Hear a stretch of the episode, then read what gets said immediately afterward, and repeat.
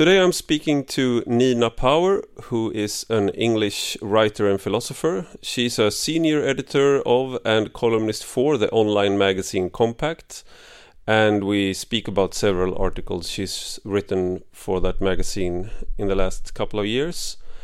And we also talk about her latest book, which is titled What Do Men Want? And it's a really great book on the subject uh, about equality between the sexes and also a counter to the narrative of the war between the sexes.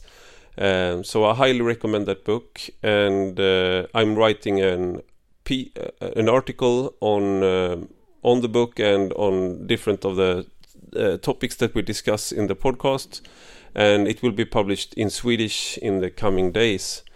And uh, I I uh, invited Nina Power to the podcast uh, also because I uh, had the privilege of listening to uh, her, a speech she held at the National Conservatism Conference in London uh, in May, uh, and it was titled "After the Individual." And as some of you know, it's a theme that I've been exploring on the podcast and in my texts. Um, the criticism against individualism, liberalism, modernity, and uh, some aspects of our civilization. And uh, it was a great speech, and I, I think she's a very interesting person in her own right uh, because she's moved from the left to the right, but I'm not sure if left and right are the right labels, which is something we we discuss as well. Um, but without further ado, here's today's guest, Nina Power. You're listening to Rak Höger with me, Ivar Arpi.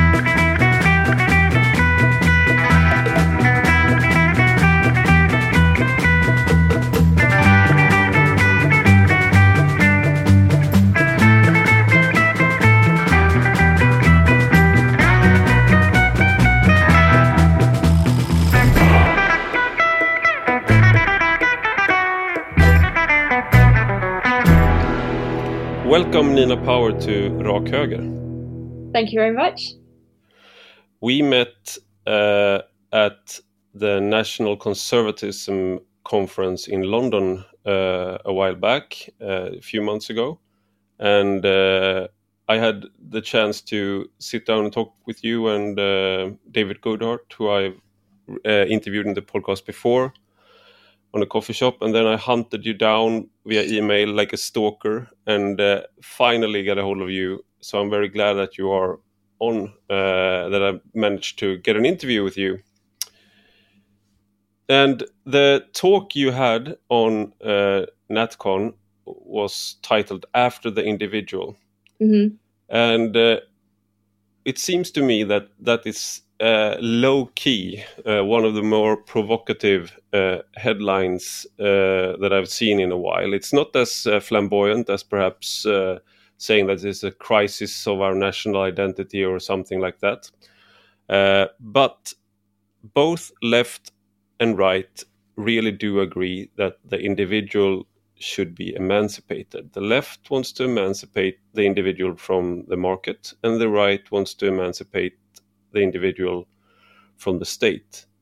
So, it, what do you mean then? What is what what will happen after the individual? And do you tend do you want uh, do you really want both the left and the right as enemies?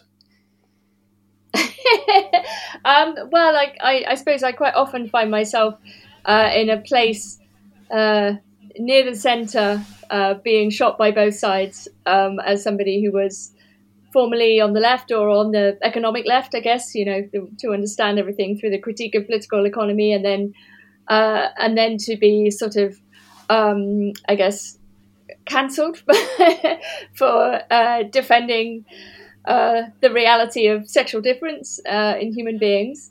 Um, so I do, I do hmm. think we exist in the sense that we are men and female, and of course it is provocative to say after the individual. I suppose I'm coming at it from what we might call a post liberal perspective, um, which is, uh, I, I, think, ground uh, or a kind of diagnosis that is trying to look back at liberalism both left and right, you know, like you say, um, and try to ask what comes next, what happens after liberalism, if you like. You know, and Patrick Deneen's sort of hmm. thesis is that um, liberalism failed because it succeeded in a way. So, so that the breakdown mm. of um, various societies and the domination of, of certain kind of problems that we see uh, in, in liberal uh, countries um, has sort of um, in, in, a way fulfilled a particular image of the individual. And, and this is an individual who is sort of a, a, consumer, someone who is led by their desires, uh, is first and foremost um, a, a, a, person isolated from other people, right? So, I mean, you know, we could have a leftist mm. criticism of alienation. We could have also, I think, um, but really I, I, suppose the, the positive thing I was trying to say about the, the after the individual is to say, well, actually, we're all already bound to each other, right, in different ways. Like we have families, we have friends, we have communities, we have parishes, we have churches, and we have roles that are attendant on those different um, uh, forms of belonging, really, you know, and, and that we are therefore hmm. could be a good father um, as opposed to merely a father. We could be a better or worse um, Christian. We could be, you know, and and so in a way that the mm-hmm. the model of the individual, which has sort of dominated the West for the longest time, and I traced it back to the 16th century. Um, it, it's actually a, a, strange theological term, the individual. So it's it's about the um, the indivisibility of the Trinity is where we get the word individual mm. from. Um, you know, and and so it's really relatively recently that this idea of the individual has come about. Anyway, if you sort of mean, like in human history, the idea that people would think of themselves first and foremost as an individual is is a relatively recent um, development. So I suppose I want to, mm. you know, kind of make this argument a little bit philosophical. And I gave this talk at National Conservatism, which is not necessarily a place I would have normally spoken at, certainly not uh, five years ago. Um, but I have a strong uh, position and policy about speaking to everyone. You know, I think mm. everybody needs to hear um, all the different sides, and you know, I'm a, a, philosopher, and you know, I think dialogue is is crucial. So yes, yeah, so that that was kind of what, what I was trying to do with the individual. Um, and trying to sort of upset the free market right, I suppose. um, you know, as well yeah. as sort of uh, you know be provocative. Um, I mean, it's even if you read Marx, it's quite interesting. He he has a the idea of the social individual. You know that, that communism will will uh, inaugurate this uh, different model of the individual again. You know, he says we we don't even know what it is to be an individual now under capitalism because mm. we're so constrained and we're so angled in particular directions that we are polyvalent you know all of our capacities are not being uh, they're not flourishing you know and he's quite aristotelian hmm. in this way. So yes all of these things fusing together. Yeah and it's um, it's interesting. I saw a comment on youtube to where one can go and um, listen to your the speech you held at NatCon and uh, the the comment that was on top I noticed was uh, actually interesting, and it it was uh, it basically said that um, let me get it. Uh, there seems to be a strange inversion of right and left. Just as the left has realized the importance of the individual, the right has rediscovered the importance of the community. And I just wanted to hear your reaction, and especially um, uh, considering that you you have, uh, as you as you said, uh, uh a background on the left, and mm like what does it mean to be left and right, and why don't you? Uh, why do you not consider yourself left wing or or belonging in the left anymore? Yeah, I I think if it's a correct. complicated. Yeah, I mean, I would, I would say I probably uh, do have residual left positions on, on matters of class and uh, you know how we analyze the economy and so on. Um, but I think that the left in its current formation has, yeah, precisely become overly obsessed with the individual, you know, and, and, and the subject of desire and identity and, and all of these things which are opposed to a class analysis. Um, you know, it's mm. just become a sort of, I don't know, like a playground for kind of middle class people to, you know, promote certain uh, ways of life and certain identities. And I think that that loss of a certain community has happened on the left. You know, I think I think there is n- no longer really a form of belonging um, in the way that we might talk about uh, socialism and, and churches and the, you know the kind of socially conservative left, let's say. So people who are committed to families and, and religion and, and and these kinds of things. Um, it's that history and that background has kind of disappeared from the left, you know, and, and it also plays out in ways mm. where there is no solidarity, like these these questions of, um, you know, uh, how, how to put it, uh, mutual aid and support, and all of these uh, forms of solidarity, and have have vanished, you know, and and maybe maybe it was an illusion that they were there, but they're certainly not there uh, anymore, you know, and I, and I think you know, mm. it's very sad. And I think it's very hard for people who maybe feel spiritually left wing to uh, to mourn that loss. You know, to mourn the loss of of, of the left um, in in that in that way. Um, but mm. I think I probably describe uh, myself as politically homeless at this point, to be honest.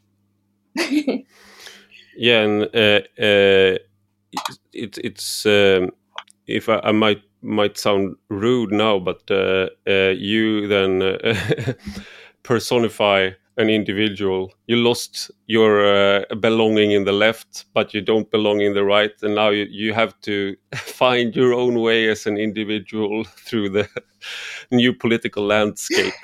uh, but I, I, I, think I think it's an interesting. Um, I I myself have have found more uh, similarities to um, socialists uh, lately uh, who mm-hmm. are concerned about issues of community, but they are not so um, interested in identity politics. They share the criticism yeah.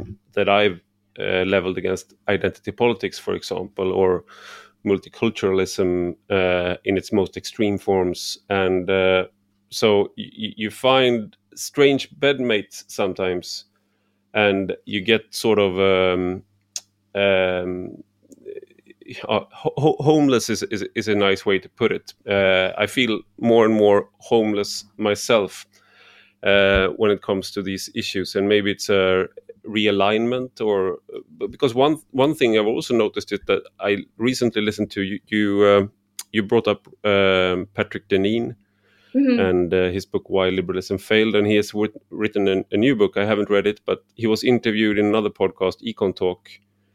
And uh, I think it was Econ. No, it was uh, sorry, it was on Andrew Sullivan's podcast, and mm-hmm.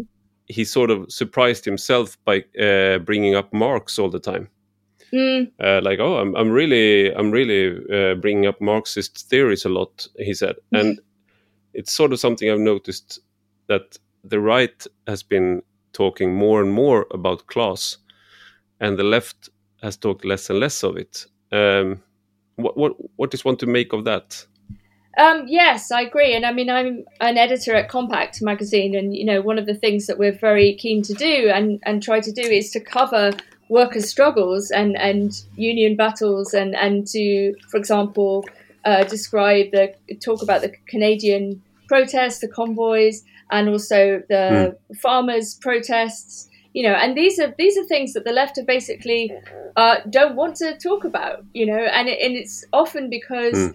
they they don't feel, uh, you know, they, they've lost the working class in a way, and and their position is often reducible to well, these people have opinions that I don't like, or maybe they have, you know, they they make claims about immigration, or maybe in Britain that people voted for Brexit or whatever, and therefore they're kind mm. of beyond the pale. So even even though they're you know working class, they're they're somehow uh, excluded, mm. uh, which is which is very um, is very stupid historically. You know, for the left to to basically turn against the working class and dismiss uh, dismiss workers because they don't hold the correct views or you know it's um so I think I think realignment might be a good way of of thinking about it. Um, you know, questions of redistribution, questions of justice. Um, you know, I, I think the left have basically just stopped doing what they were doing and have become something else. You know, and and the right, yes, I mm. mean, the free market, the free market right, I think is well, we, we saw it at National Conservatism. There's a there's a great tension on the right, many tensions, I guess, but between let's see the, the free market right and the socially conservative right, whether that's religious or or otherwise. You know, and in Britain, mm. it was a strange case because the Tory Conservative Party basically sort of held together those two uh, positions, but in a way that's really un- unstable. And and you know, probably in another country they'd be two separate parties. You know, like a socially conservative. Yeah. Religious party and a free market, you know, and of course the free market has led us to precisely the destruction of these uh, socially conservative values, you know, and and so when the left, for example, talk about abolishing the family, you want to say, mm. well, hang on. I mean, like, you're just encouraging a process that has already ha- been happening. You know what I mean? It's not a radical yeah. position to take. In fact, you know, that we need to um, actually support families. We need, especially young people in Britain, that many of them feel like they can't start a family for economic reasons. You know. Yeah. Um, so when we think about the, the fundamental unit of, of the society, you know, is it the individual? Is it the family? Is it class? You know, and I think maybe a lot of mm. people on the, the right, whether they're religious um, or otherwise, but I think a lot of it is coming from a religious place. So, so Catholics and, and Protestants and um, obviously um, Yoram Hazony is an Orthodox uh, Jewish man who organised national conservatism. You know, and, and I think there's a lot of yeah. parallels and similarities in those various religious positions, um, not only the critique of liberalism, but also uh, the positive values, you know, that, that, that are shared by religious mm. people, but not shared by the secular liberal subject. No, I, I think this divide is very clear in in uh, in Sweden as well, and mm.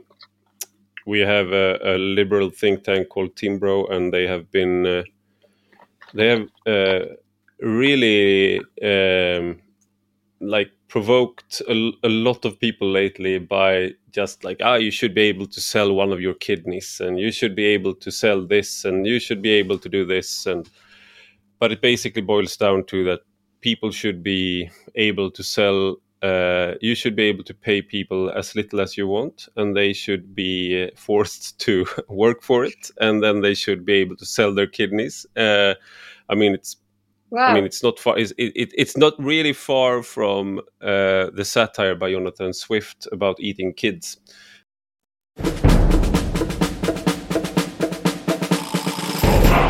I'm uh, uh, speaking about individualism and uh, what you you brought up in your in your speech that as a a mother is not an individual, a pregnant woman is not an individual. We are dependent on each other. Yeah. And I just I just thought about uh, both of those roles are um, feminine um, that you brought up there, and I'm a father of four, as I find a way to bring up in almost every podcast I, I find out. uh, but uh, now my family has um, uh, gone to uh, uh, my parents-in-law have a have a house in another part of the country, and they've gone there. So I'm by myself, and this is the longest I've been away from my kids and my wife during the last ten years, I think. Wow! And so I, I I'm emancipating myself right now. I'm a very emancipated man right now, an emancipated individual, and it feels really bad. Uh, I'm working very well, but uh, that and that's why I stayed behind because I had a lot of work. But mm. it's awful, and I don't feel like I feel like a failed individual, um, and uh, and yet um, I I think it's sort of expected. Um, I, I wanted to bridge the conversation over to what you've been writing a lot about, which is uh, uh, gender roles, uh, masculinity, feminism, and just like uh, what what is expected of uh, men in today's society, and uh, you you wrote a book, um, "Why We Need the Patriarchy." Also a great headline, also very provocative. Um, uh, and you, you write there that despite claims to the contrary, contrary, we do not live in a patriarchy. A patriarchy would require men taking responsibility for their families and for society at large. So, as you can see, I, I wanted to ask you about that if if you if you stand by that, and also to admit that I'm not taking responsibility for my family right now. I'm uh, just being by myself and leaving it to my wife to take care of the kids. Well, I I think that's totally permissible, but you described it very beautifully, I think, and I that sense of um, incompleteness and and you know longing and you know that actually being an individual is is painful, you know, and I think that's mm. the that's the truth of it actually that that to be alone is is is to be sad, you know, it's to be um, mm. detached. You know, we have a huge problem of loneliness uh, in the West, and you know, lots of people who are sort of very feel very distant from families, and you know, and it's it's the the sheer amount of sadness that is involved in this, mm. and then you have countries like Canada proposing, you know, people can end their own life, you know, uh, with the state assistance. Um, you know, what kind of model of humanity is that really? You know, one one in which yeah. choosing to take your own life because you're ill or mentally unwell or just because you're you know you don't want to go on anymore and the state are saying mm.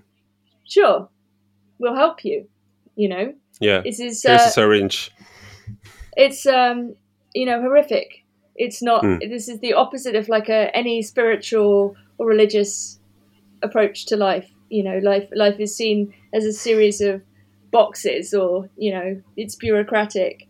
Um, I mean, I think on the on the the question of of men, you know, like the, half the reason I wrote this book, "What Do Men Want," is because men were just getting siege. You know, they were they were being attacked constantly. Mm. You know, in the liberal media and sort of blamed for everything and so on. And and I mean, simply put, this is not my experience of, say, my father or my brother or my partner. You know that that this mm. this portrayal of men was uh, just frankly incorrect. You know, like men like yourself can be good fathers. They are. There's many of them. My father was a great father. My brother's a good father. You know, like it's um, I don't know. I just I I, I think the way men came uh, in for a kicking uh, for a few years was was just like wildly unhelpful, you know. And it's not feminism mm. actually; it's it's a divisive media strategy, you know, to other groups. And it's like, well, we actually live in the world together. You know what I mean? Like we have to share yeah. the world. Um, we have to get along. you know, we have to respect each other and and these kinds of things. You know, and of course, some people thought it was a conservative book because you know I'm am I hmm. defending mm. I'm I'm defending men. You know, it's like well yes. yeah. how, how is that a conservative? It sounds really. I, yeah.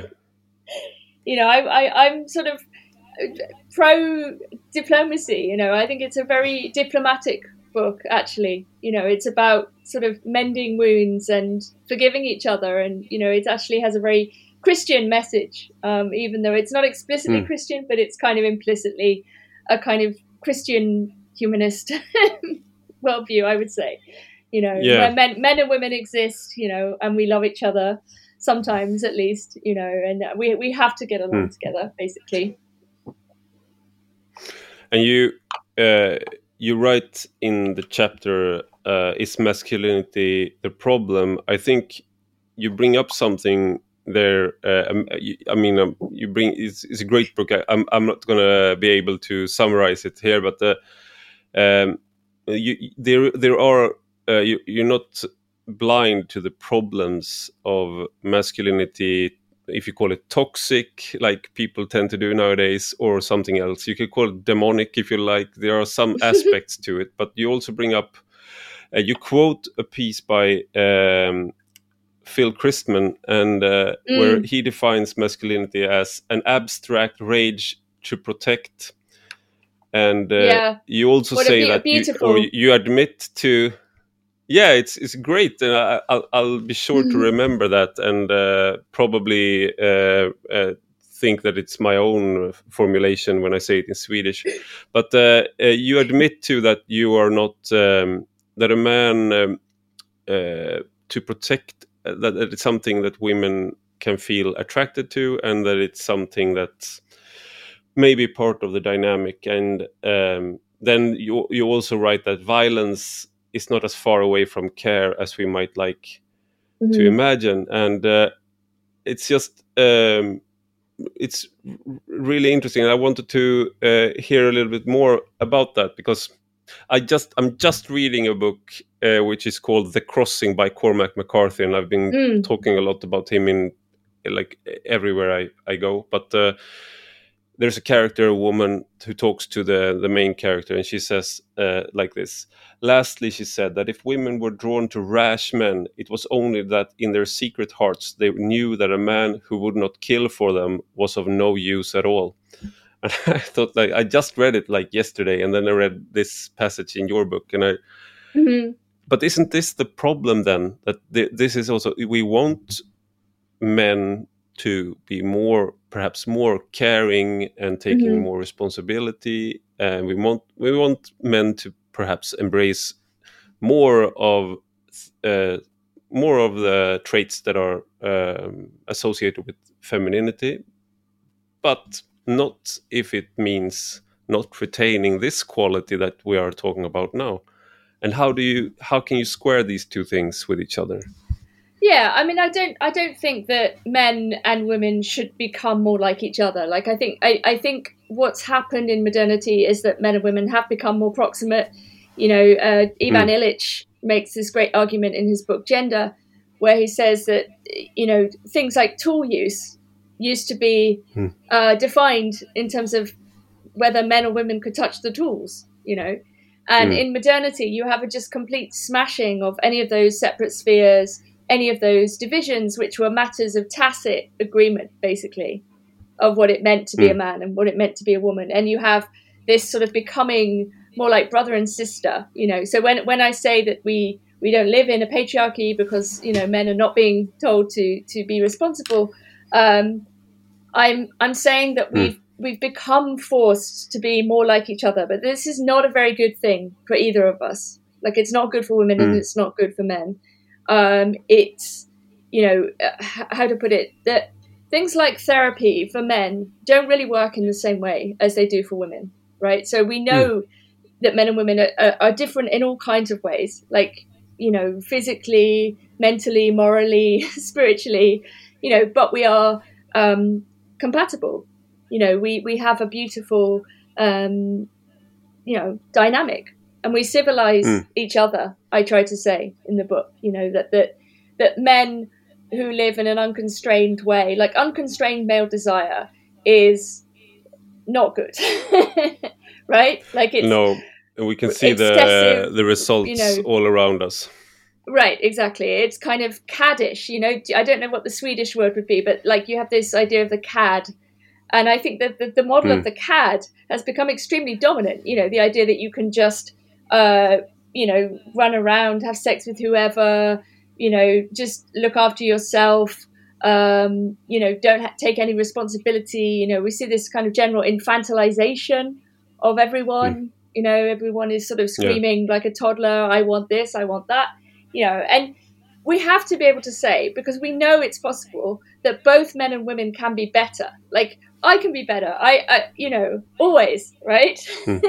Whatever this yeah. thing is, you know, whether I'm an individual or not. I'm also a member of a church. I'm also someone in a relationship. I'm also, hmm. you know, somebody's daughter. I can do all of these things better, or I can try to be better, you know, and, and we are surrounded by a world that gives you hmm. things which are extremely damaging uh, for you, like pornography um, you know, this is a affliction that many men suffer from. It induces a horrible kinds of shame, and you know, it's it's, it's an awful um, business. The whole thing is horrific. Um, you know, and, and there does seem to be something deliberate about a liberal culture that says, you know, you can have all these things, you know, and mm. um, but none of those values are have any longevity. You know, what about marrying someone and staying married to them for 50 years like my parents you know it's still possible mm. right but the culture all the time yeah. is telling people no you know find someone better eat another cake watch you know, you know like it's completely mm. um, antithetical to those kind of values of like duty and, and fidelity and longevity and, and so on and i think i think there's been a a real resurgence of a certain kind of um, cons- social conservatism, I think, because people can see that liberalism doesn't work and it hurts people and it, and it makes them into, you know, lonely, unhappy, often addicted, you know, people who feel lost and isolated. And mm. so I don't think the men and women should be more like each other. You know, I think it's not going to work. I think actually we have to say we are different. We're fundamentally different, and and sometimes our interests converge. let's say you know in the, in the uh, project of, of having children yeah. for example yeah and uh, um, i think uh, you've written uh, about B blue labor and you also brought it up in the speech and uh, now um, you also shocked the NatCon conference perhaps by bringing up marx but there's a there's a tragedy uh, that it's more um, afflicting working class men as well, because many of these uh, roles that have uh, this role of a protective father, responsible man, mm. being a provider, many of those roles uh, have uh, perhaps they, they, you can still have them if you're a highly educated middle class man or or above like upper class but in if you look at the working classes of uh, britain and united states especially uh, where many of the good paying jobs have been shipped uh, shipped off uh, to offshore to China or elsewhere, or is part of an ongoing automation. And the jobs that are left are are, are not you're not able to um, uh, pay for for a whole family, sustain a whole family mm. on, on that wage. So you also have like an economic uh, malaise that's uh, particularly been uh, hit working class men hard. And then also if you look at the culture then that's the only like those are the only the only category of of people that are uh, fair game always to make fun mm-hmm. of ridicule and uh, and uh, treat as dinosaurs so to speak. Yeah no no it's appalling. And i mean i think you know you have this uh, how, how to put it? Like when you have women's mass entry into the workforce what who does it benefit? It benefits mm. the people paying the wage, right? Like they, they can now pay people less. Mm. Basically, there's more workers, mm. and they can pay everybody less because there's no longer a family wage, like you're saying. You know, so you have hmm. what appears to be emancipation, like freedom, economic freedom for women, actually creates uh, a lot of badly paid individuals, right? Who are, you know, constantly being told to hate this or that group you know, and that, and that's the uh, that's the dynamic, you know. And I, I agree. I think the the working class have been demonized, like in every country, pretty much in the West. Um, and like I say, ignored whenever there are protests and strikes. Now, you know, it's like yeah. why are why are these only being covered by by this, the right or by conservative uh, papers? You know, it's, yeah. uh, it's it's it's it's really shocking. It's like who who is a nation? You know, who who makes up a country? Who does all the work? Well, it's the hmm. workers. Mm. you know, it's like nothing would run without people working. You know, and I think, like you know, we have these sort of terrible uh, proposals for automation, but you know, and, mm. and like you're saying, off- offshoring, and you know, we're basically creating the conditions for a very meaningless world um, where people will be kind of fobbed off and maybe they'll have universal basic income um, and they'll sort of have free time in inverted commas. But what they will actually have is, uh, you know, just uh, the the time for for things not to mean anything. You know, I, and of mm. course people make their own meaning, um, but really it will be a world of like. Uh, you know people watching Netflix and and buying delivery like food from men who bring it on a bicycle. You know, um, yeah. And this is just just a huge huge crisis of meaning, really. Um, and nothing mm. really is being built. Nothing good is being built. You know, because mm. what is there to build? You know, what are people supposed to do? Um, so yeah. I, I think you know we should bring back the family wage, um, but these are going to these policies, you know, are, you need to have a particular vision for a country, and obviously there are some parts of the world that are trying to do this. You know, they're trying to hmm. maintain mm. a certain um, integrity, uh, a certain uh, relationship to to the human. Actually, you know, to to think of people first and foremost as human beings rather than as units or problems to be dealt with. You know. Yeah, you had you had a great uh, you you quoted Ivan Illich and his book Gender, and you um, you you had a great quote about him that male and female have become neutered economic agents stripped of any quality other than the functions of consumer and worker, and yeah. that's a great way to to summarize it. And, and if you uh, identify strongly in any other way, then you are part of a some system of oppression that you need to be emancipated from, whether you like it or not. Might be that you're part of a church that has uh, other values than the state or the market, and then you need to just uh, th- th- then they're going to make documentaries about you and your weird beliefs. Um, and I just wanted to end uh, because you you had like um, uh, welcome to TERF Island. You had a, a great piece in in March uh, this year in Compact magazine uh, where uh, uh, Britain is called TERF Island. Apparently, I, ha- I have I hadn't heard it, but yeah. TERF stands in for Trans Exclusionary Radical Feminist, and you don't you don't sound uh, like a trans exclusionary radical feminist, uh, but neither do I, and I'm I'm sometimes uh, uh I'm, I'm, often in that camp. Uh, so, what what is happening in Britain, and uh, why have you become the TERF island?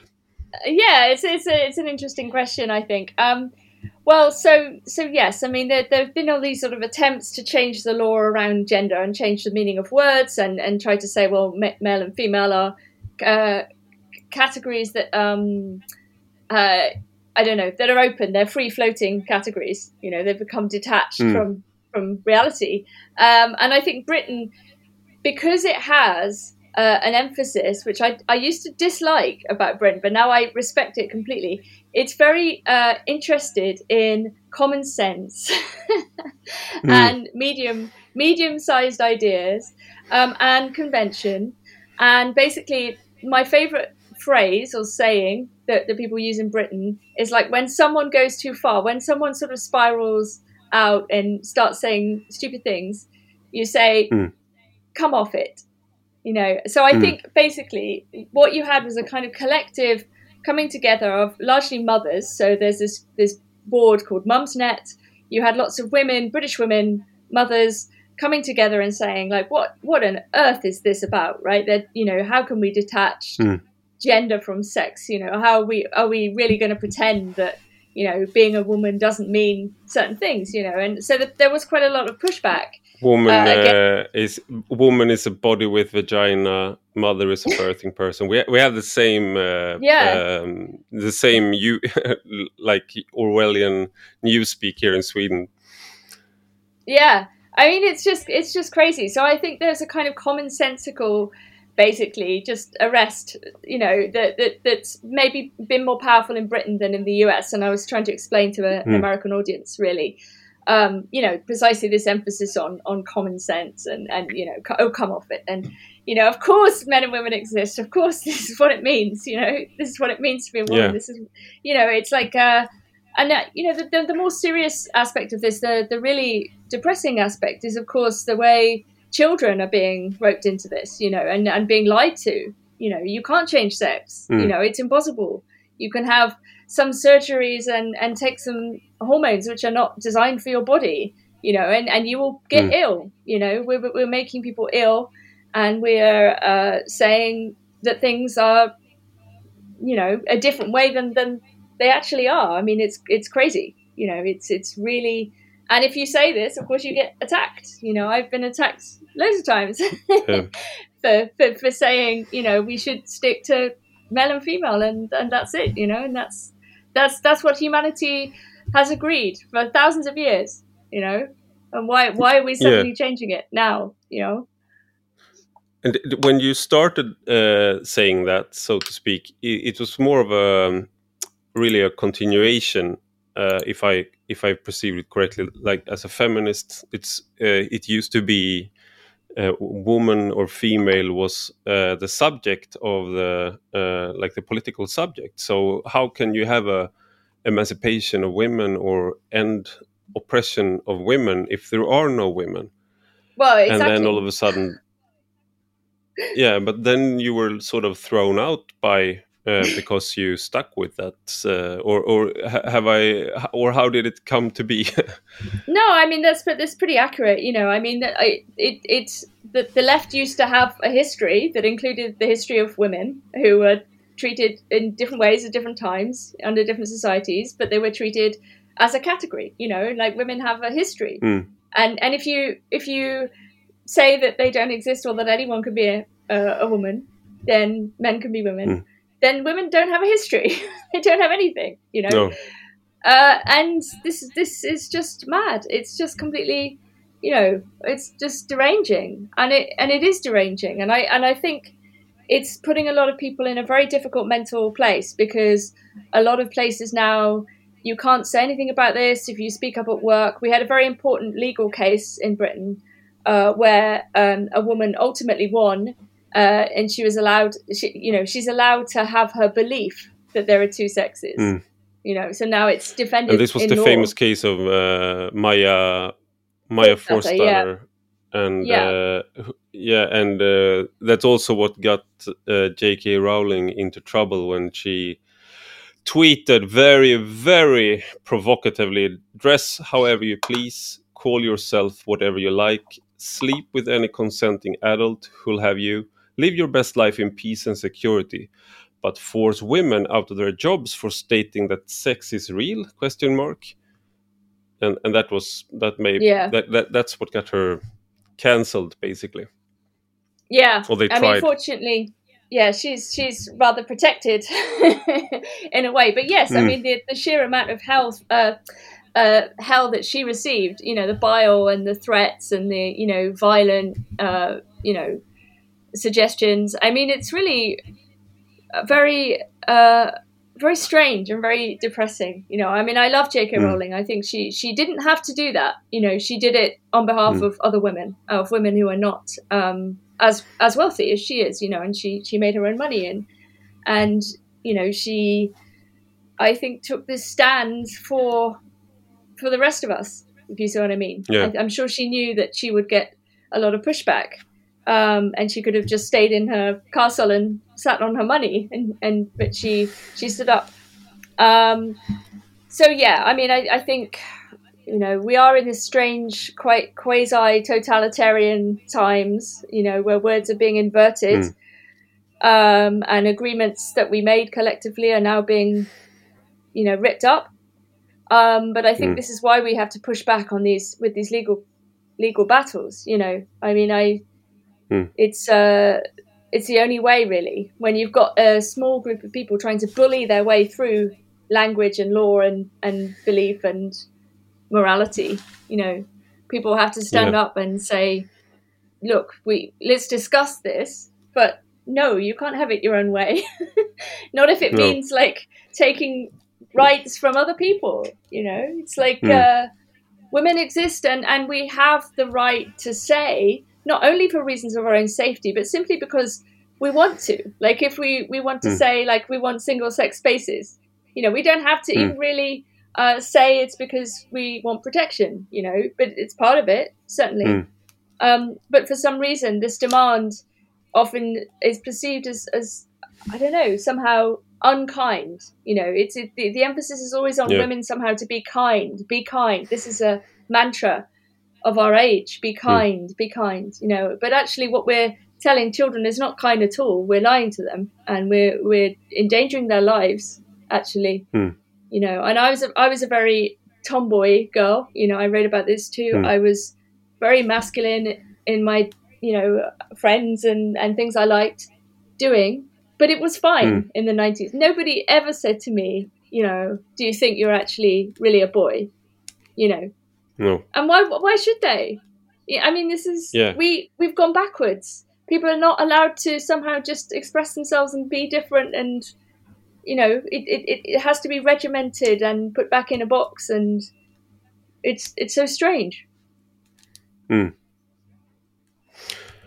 And so th this is the uh, I wanted to ask you because some someone might say that J.K. Rowling has uh, she's not as gentle in her tone as she used to be after four years of constant abuse, mm. and uh, and I would like to ask you the same. Really, like you you were invited to NatCon to speak, and but are you still getting invites from the left? And is is there a do you perceive a challenge like when people are i, I read uh, i'm not going to quote or anything but i read like a piece about you that you had helped two two people two women who write who were writing and then they were like really said that you you had been nice but now you were an awful person and it was because of you you defended artistic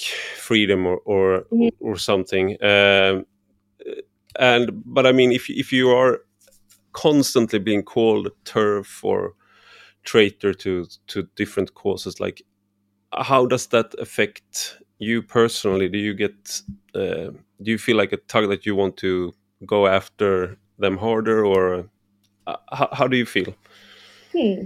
yeah it's an interesting question i think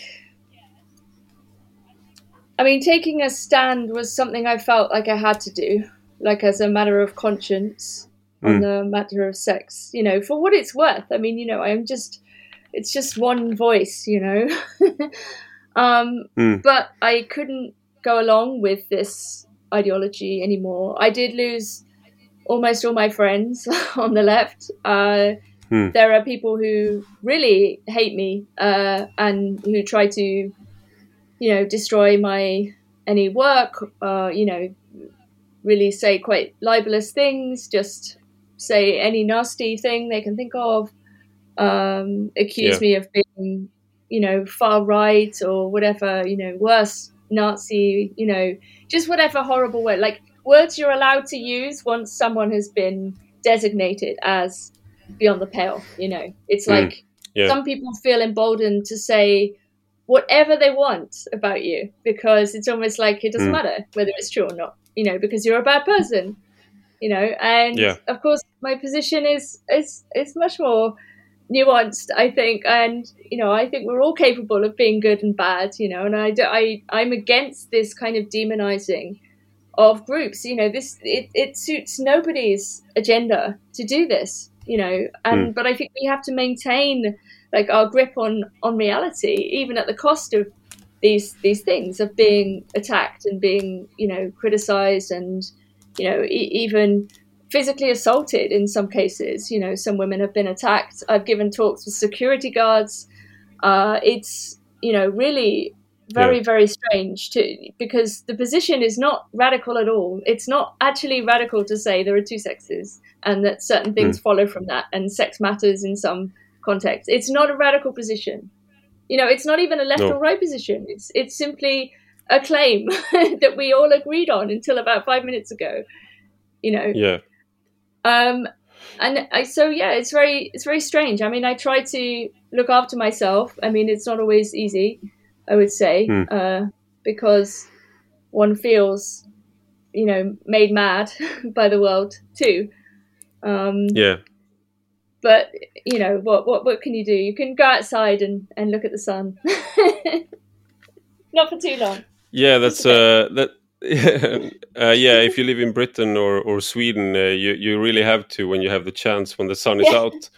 Uh, uh, but like like one last question then, because uh, an em embrace of certain kinds of uh, like if you're a conservative, for example, now, or you get labeled as that. I mean, mm -hmm. is uh, uh, because I've had a I, I I came from the left and I lost all my left wing uh, friends mm -hmm. basically, uh, uh, but it's all like almost 10 years ago now that I lost mm. most of them and uh, and then I, I lost all my liberal friends uh, during uh, when we were debating migration policies and right. now I'm losing uh, I'm losing even more now because I'm um, I've been critical on uh, issues of market uh, of the market economy or market liberalism of, of a certain aspects of market liberalism so so you feel like uh, who where I, I'm really going at it. Um, I'm not sure where I, where I will end up, but then I, mm. I just mm. thought that maybe for you then like it's a being invited as a as a speaker at a controversial conference, national conservatism. Like, is your are you being do, do you feel like you have to um, sort of stake out the position that it's more uh, that it's delineated from um, the, the conservative position, and and uh, and what would that look like? Do you think? Yeah, um, I mean, I think it's it's part of this kind of post-liberal realignment, you know, that maybe we've we've been talking about all the way through, really, and. I think you know mm. there are a lot of uh, like old lefties and you know feminists and others who would be you know understood historically as socially progressive, but at this point are now mm reactionary because they're they're holding on to yeah. something. Um, and again, it's I I don't know whether we. It's very difficult not to use these terms left and right, actually. But in a way, our thinking needs to get over it. You know, we need to stop thinking of positions as as left or right. Actually, I think you know, for, and and they've shifted over time. In any case, you know, I mean, like caring about the family should be something that everybody believes in. Do you know what I mean? Like this is not a, again, this is not a political mm. position. You know, it's it's it's people who want to make mm. everything political that are sort of the problem actually. And I think we saw this during the lockdown with COVID. You know, actually what you had was a kind of shutting down of a um, well, not in Sweden. Uh, you did something more sensible, but really it was a kind mm. of uh, you know a, a, bureaucratic hijacking exercise. You know, and an authoritarian manipulation of the population, which is really terrifying to be honest. And um, yeah. you know, it's it's um, you know, we have to get away from this bureaucratic insanity. You know, like this this this way of seeing the world in terms of boxes and you know quantity and. You know start uh, respecting human beings actually and I, I, think the the religious worldview does this very well you know, there's a reason why hmm. Christianity mm. has survived for thousands of years, you know, because mm. its model of human nature and the way it presents the world is very, very beautiful and very convincing. And it doesn't say you have to be perfect. You know, it can. It says you're not perfect and you'll never be perfect. You know, which is a, so, mm. so much more delightful thing to say than than these poor kids. I think who feel like they they have to get everything right constantly, and that you know if you make a mistake, it's the worst thing ever, and if you say the wrong thing, you know this is a horribly anxious way to live. You know, and we're we're putting yeah. people through this uh, this mill. You know, and I think a lot of people are actually looking for you know something outside of that world, you know, a spiritual place. I think the church is actually a great place for people who've been cancelled. You know, it's it's actually home. Mm. and uh, on, yeah. on the friendship point, I think nobody nobody really needs more than you know a couple of friends. you know, no, really, and, and, uh, and, yeah, you and you should uh, go with your family when they go uh, to the countryside, and not stay behind and just work. It's not good for you. well, you know, but you you learned your lesson. You know, you can next time. Yeah. You will. Uh, you know, next it time. says. That's beautiful. Thank you Nina Power for being part of Rak Höger. Thank you for having me. Och stort tack till er som lyssnar.